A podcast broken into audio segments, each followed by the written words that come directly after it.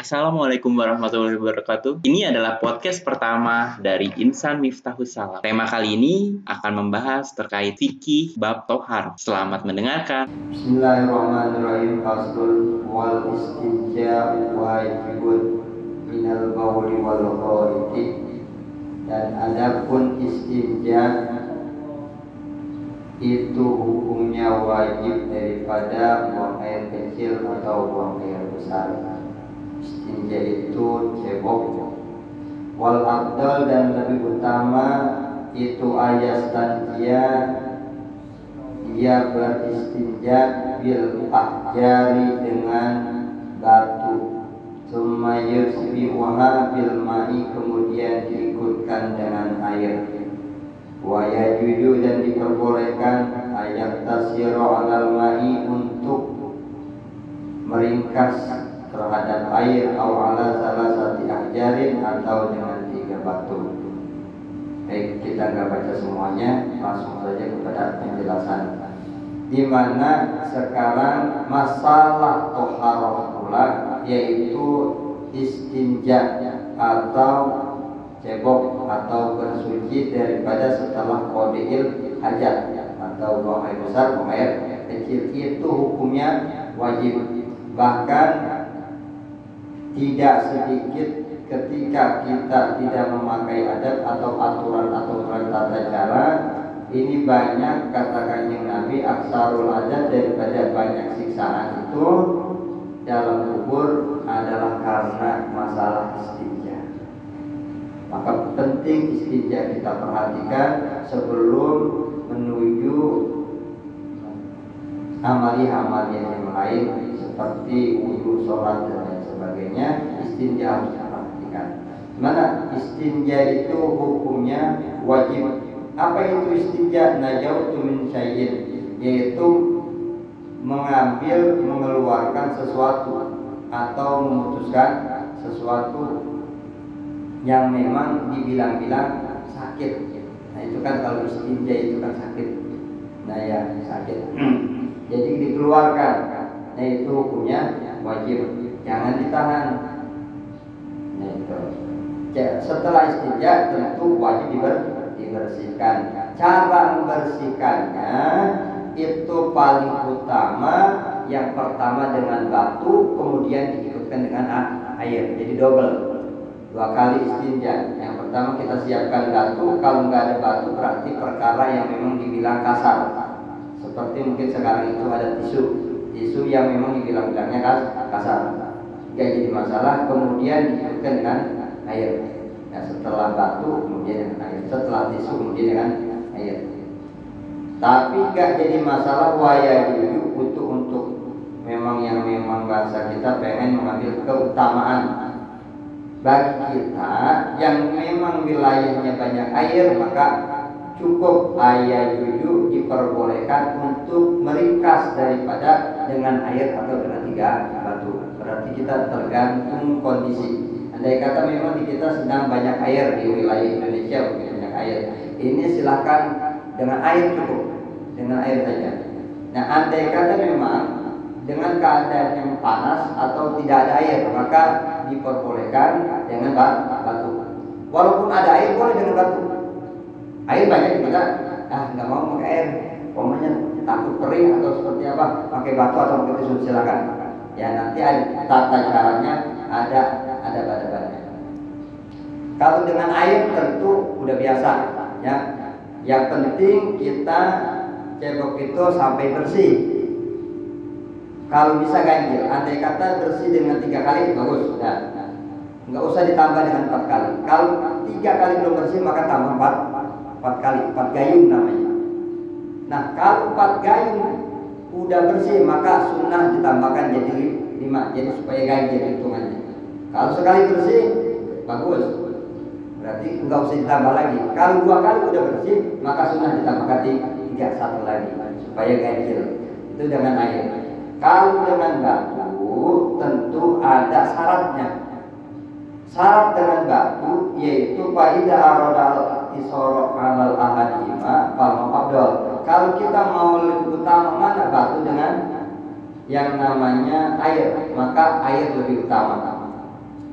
Sebab kalau batu itu tidak sampai bersih seperti air ya. Kalau seperti batu mah cuma menghilangkan uh, airnya aja, sedangkan asalnya masih ada tapaknya itu masih ada.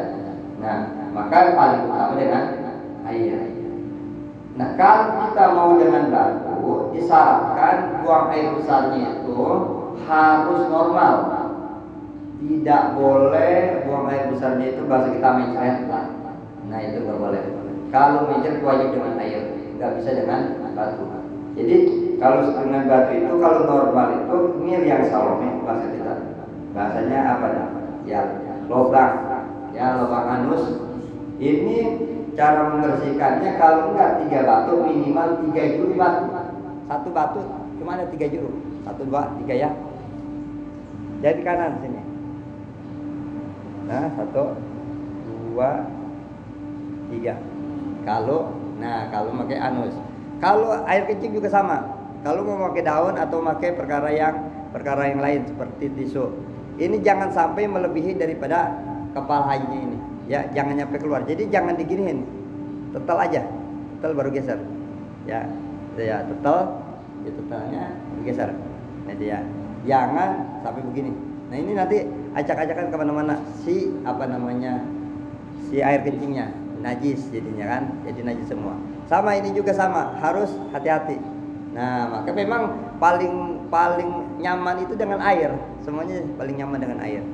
Ya kalau mau dengan perkara seperti itu batu atau tisu ya itu harus dengan keadaan memang beraknya itu atau buang air itu normal. Nah ya itu masalah buang air besar atau istinjanya dengan batu atau dengan kalau air udah cukup seperti tadi semau kita. Ya nggak usah diambil pulang ya ketika istinja udah bersih atau belum dirasa aja. Sebab pikir itu hukumnya dengan zon dengan prasangka. Nggak perlu. Nah nggak perlu diambil ya. Apalagi suruh melihat temennya ya ada bersih belum nggak usah. Tapi cukup dengan rasa ya. Perasaan bersih udah cukup gitu. Ya. Kemudian ketika kita kodoil hajat tentu ada ada pada ban Mana? Salah satunya nanti kita ambil dari referensi luar juga, bukan kitab ini namanya dari uh, referensi kita luar. Yang pertama, hendaklah dia kita ibu istiqbal kiblah wal istidbariha. Hendaklah ketika kodoil hajat itu membelak jangan sampai menghadap atau membelakangi kiblat. Itu jangan menghadap atau membelakang kiblat andai kata tidak ada satir penutup.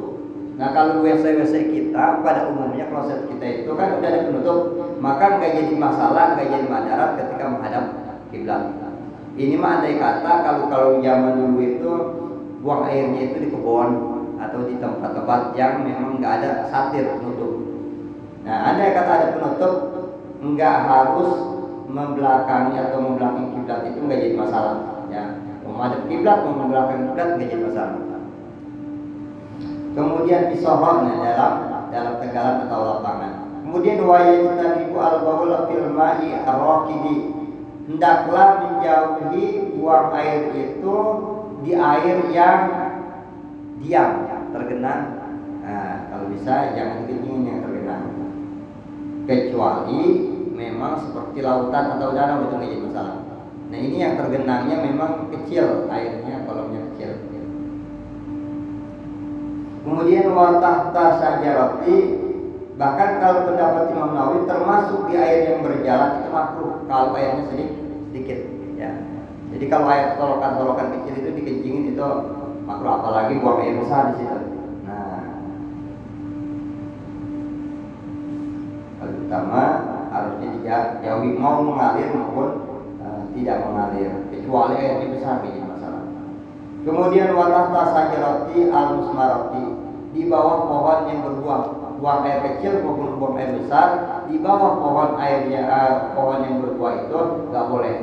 Baik pohonnya itu sedang berbuah atau tidak tetap dilarang.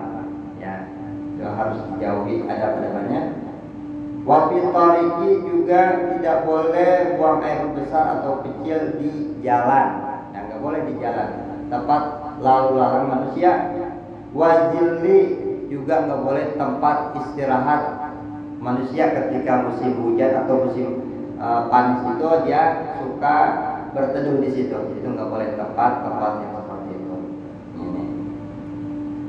wasapi juga tidak boleh di dalam lubang lubang. Ya lubang tentunya lubang yang memang bukan tempatnya. Kalau WC emang tempatnya. Tapi kalau bukan tempatnya ya seperti lubang-lubang pada kalau orang dulu itu kan suka di lubang apa aja kan. Nah yang di sawah atau di kebun itu. Itu juga boleh. Wa yatakalam alas alam bauli wal juga dilarang kita itu tidak diperbolehkan haram atau untuk berbicara ketika qadril hajat. Ya jangan banyak berbicara apalagi nyanyi. Oh nyanyi sambil kencing atau sambil buang air besar nyanyi-nyanyi atau berbicara berbincang-bincang dengan uh, yang buang air di sebelah. Gitu ya. Kecuali darurat. Kalau darurat nggak apa-apa. Ya kita darurat ada kebutuhan. Seperti ada ular atau ada kelejengking kita teriak jadi masalah. Ya bahkan ketika kita banyak berbincang-bincang ini bisa mewarisi kuning. Ya, banyak berbincang-bincang ketika kalau aja kemudian dilarang menghadap dan membelakangi bulan dan matahari. Itu juga dilarang ada pada banyak. Nggak boleh. Ketika memang itu buang air besarnya di tempat yang memang tidak ada satir penutup. Nah, diambil daripada kitab yang lain, termasuk kalau nama WC itu adalah nama bagi setan.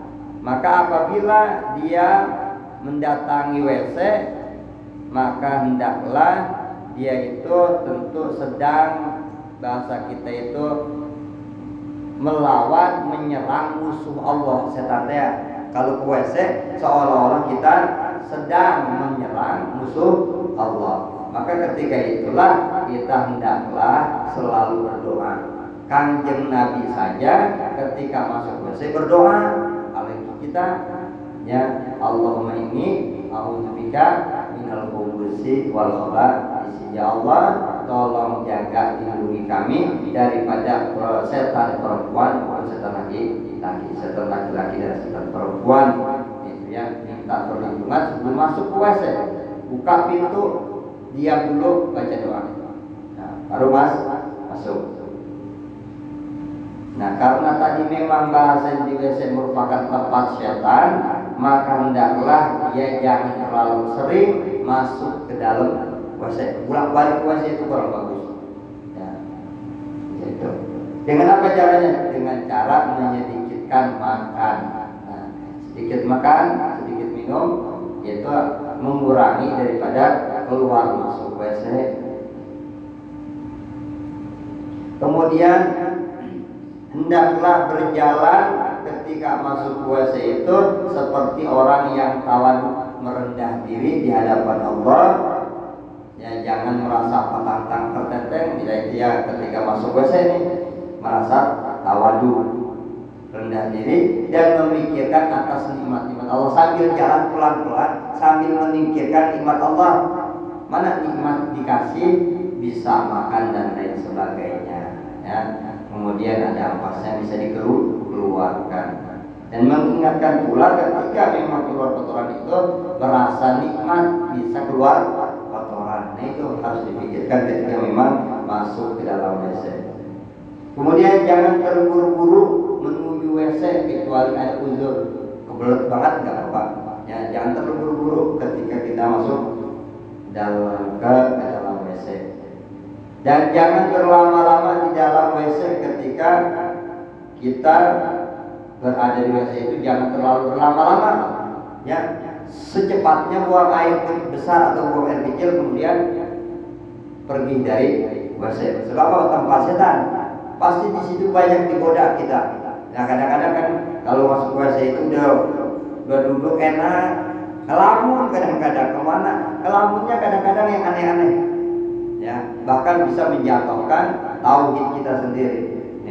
Kadang-kadang. Sebab memang tempatnya WC itu tempatnya setan maka jangan berlama-lama di WC maka ketika keluar WC baca gufronaka gufronaka gufronaka alhamdulillahilladzi dzahaba anni al adha ya baca gufronakanya tiga kali. Tiga kali. Bab minta ampun ketika di WC nggak boleh zikir mulut kan? Nggak boleh zikir mulut. Juga tentu di dalam kadang kita goflah lupa pada Allah maka istighfar gufronaka gufronaka gufronaka alhamdulillahilladzi al adha ini kalau udah keluar ya jangan di dalam WC ketika udah keluar WC waladi yang wudu al wudu'a sitatu asya perkara-perkara yang membatalkan wudu itu ada enam perkara. Yang pertama perkara yang keluar daripada salah satu dua lubang. Yang kedua tidur dengan keadaan tidak duduk atau tidak tetap atau tidak melekat di tempat duduk. Kemudian wajawal akli hilang akal bisa karin al maradin sebab dia mabuk atau sakit. Berapa tuh? Satu, dua, tiga. Keempat walam surajuli arrojulu al imro'ata al ajnabiyata memegang kulit laki-laki terhadap kulit perempuan yang bukan muhrim min goiriha ini dengan tidak memakai halangan yang kelima wamasul farjil adami bibatnil kafi memegang pargi bangsa Adam dengan telapak tangan. Wa maswahalaqati duburi alal jadi dan memegang dubur pendapat kaul jadi berarti kan ini kan pakai mazhab sapi ada imam sapi imam ada dua. Kaulnya ada kaul jadi ada kaul kodim ini pendapat jadi nah jadi perkara-perkara yang dapat membatalkan wudhu ini jangan sampai salah kaprah lagi. Jangan ada pertanyaan lagi. Artinya bukan itu. Uh, jangan ada pertanyaan. Artinya selain ini pokoknya tidak membatalkan wudhu. Itu ya. Jadi ini, ini saja yang membatalkan wudhu. Mana?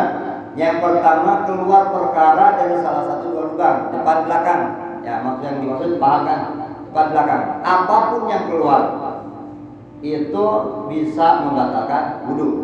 Walaupun katanya kayak kita itu perkara langka mau darah uh, mau perkaranya itu um, langka seperti keluar batu uh, atau buang air besar ternyata keluarnya emas ya itu juga sama. Ya tetap membatalkan wudhu.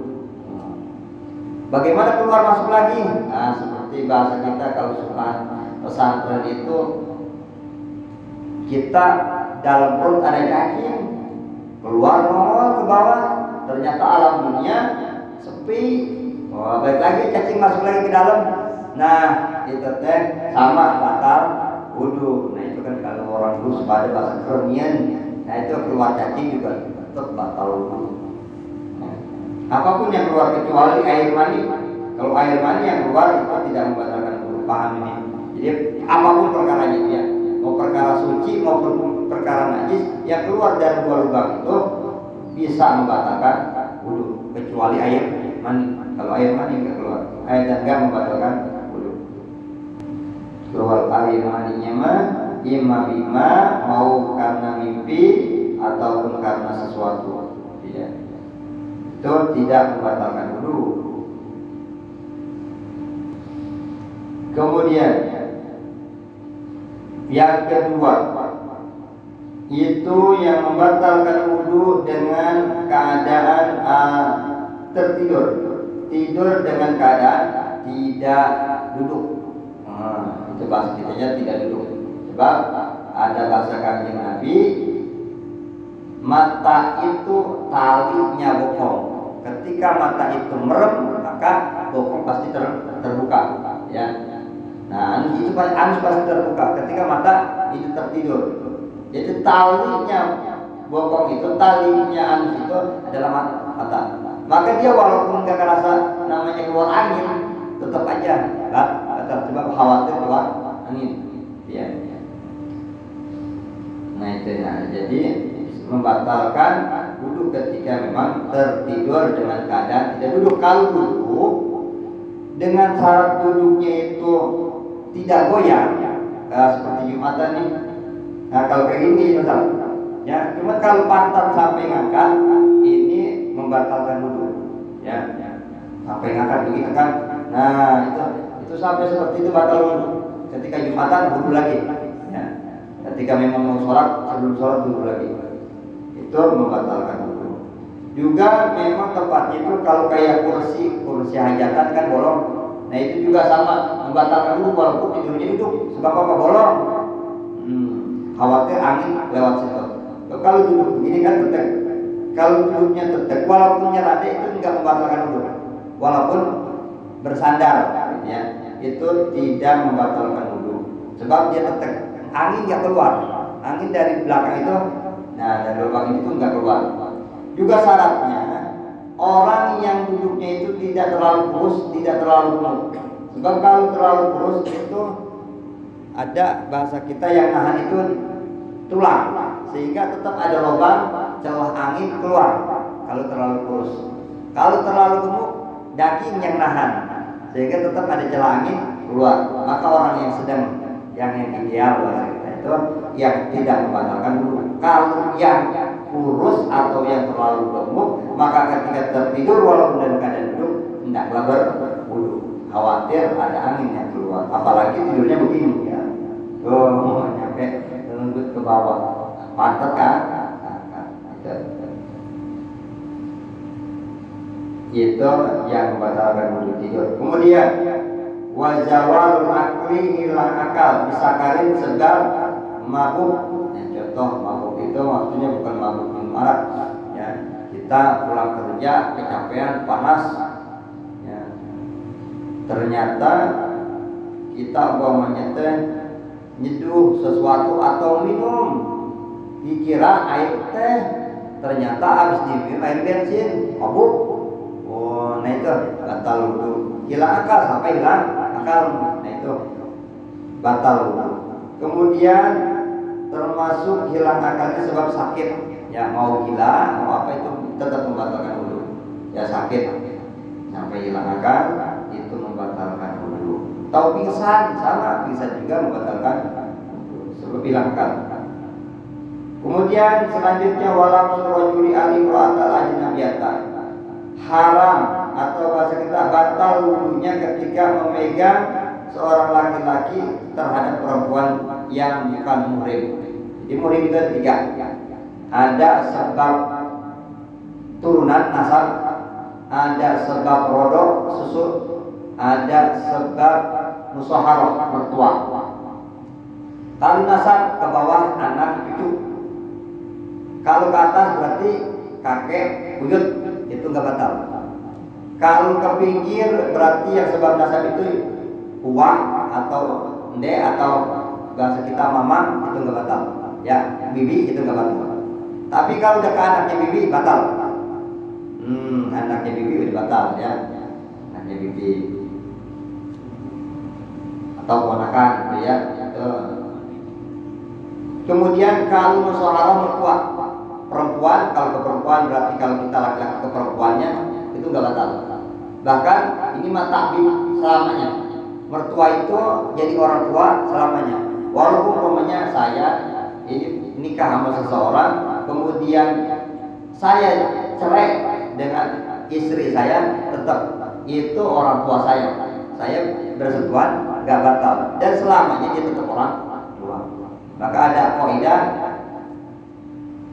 duhulul umat atau duhulul banat arah umat atau sebaliknya. Jadi ketika kita memang menikah dengan anaknya, ternyata cakapan maknya, nah, kita cari ke anaknya. Nikah sama ibunya itu nggak boleh.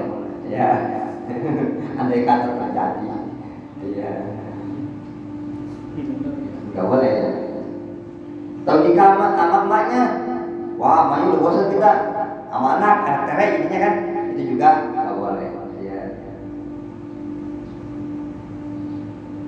Ya, hati-hati ya, jauh pernikahan juga perlu hati-hati. Ya sekarang makan dengan yang jauh sekali, gitu ya, atau yang memang jauh sama kita daripada segi nasabnya.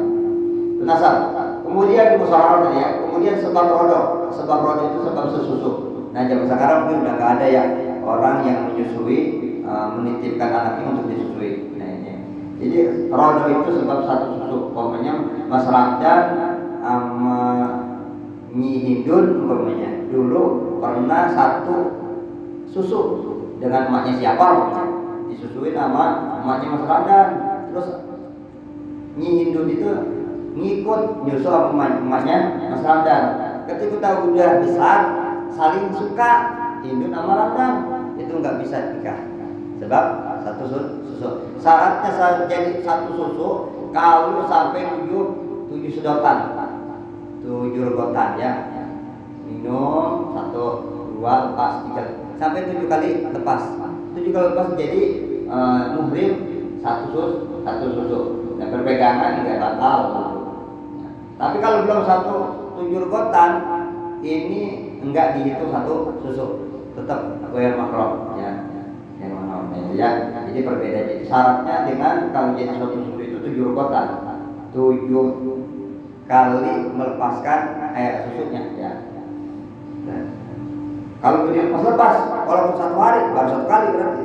Ya, kali ini kan udah bosan lepas, besok lagi bosan lepas, besok lagi. Nah, itu mah kalau gitu jadi kalau sampai tujuh kali jadi satu susu. Nah itu adalah murid. Selain itu gair murid. Ya, selain itu gair murid. Jadi batal bisa itu mah bibi jadi masalah ya. Bagaimana bibi ipar? Nah, bibi ipar atau tebak? Kata tebak bukan murid dari kita tadinya kan. Tadi ke mana? Itu menjadi muridnya beda lagi.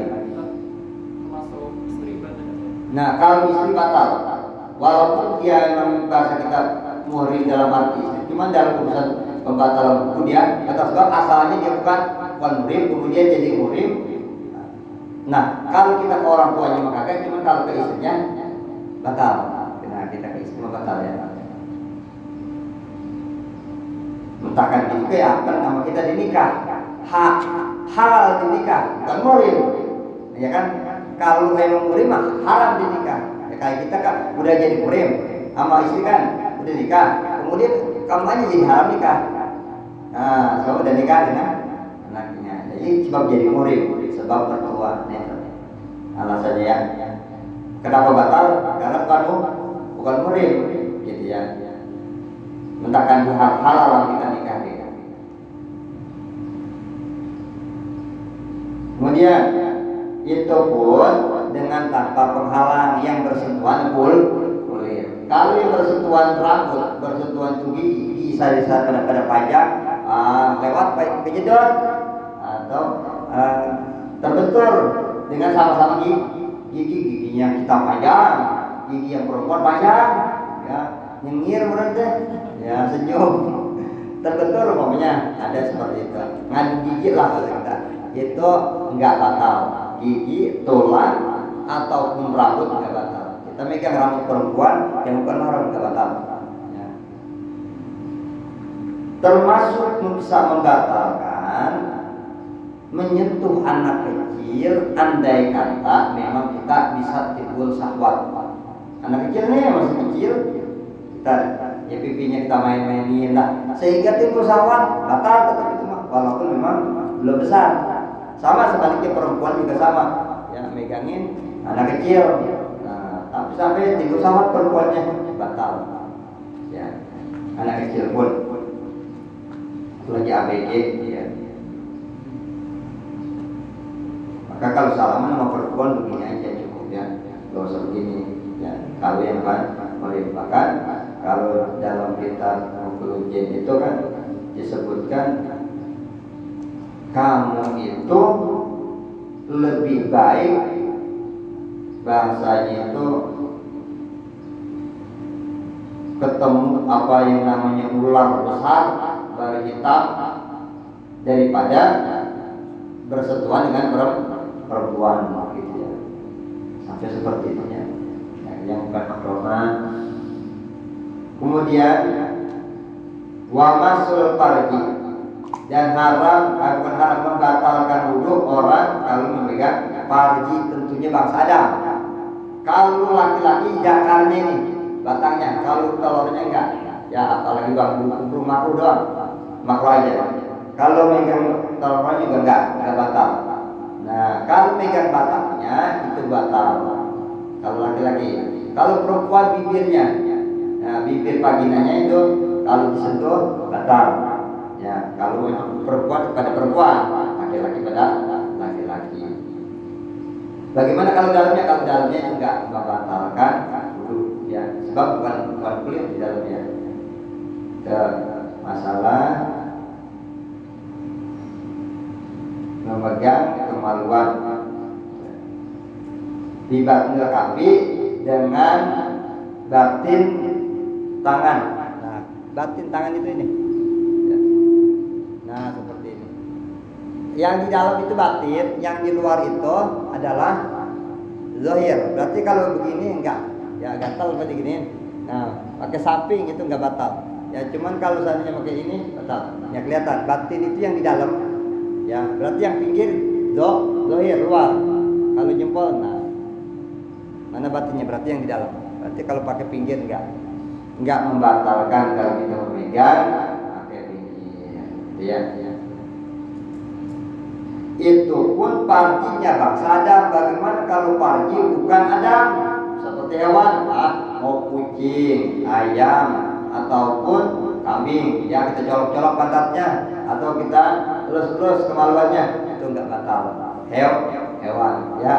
Cuman kalau bangsa Adam batal yang mau punya teman atau punya sendiri gitu, tetap batal Ya.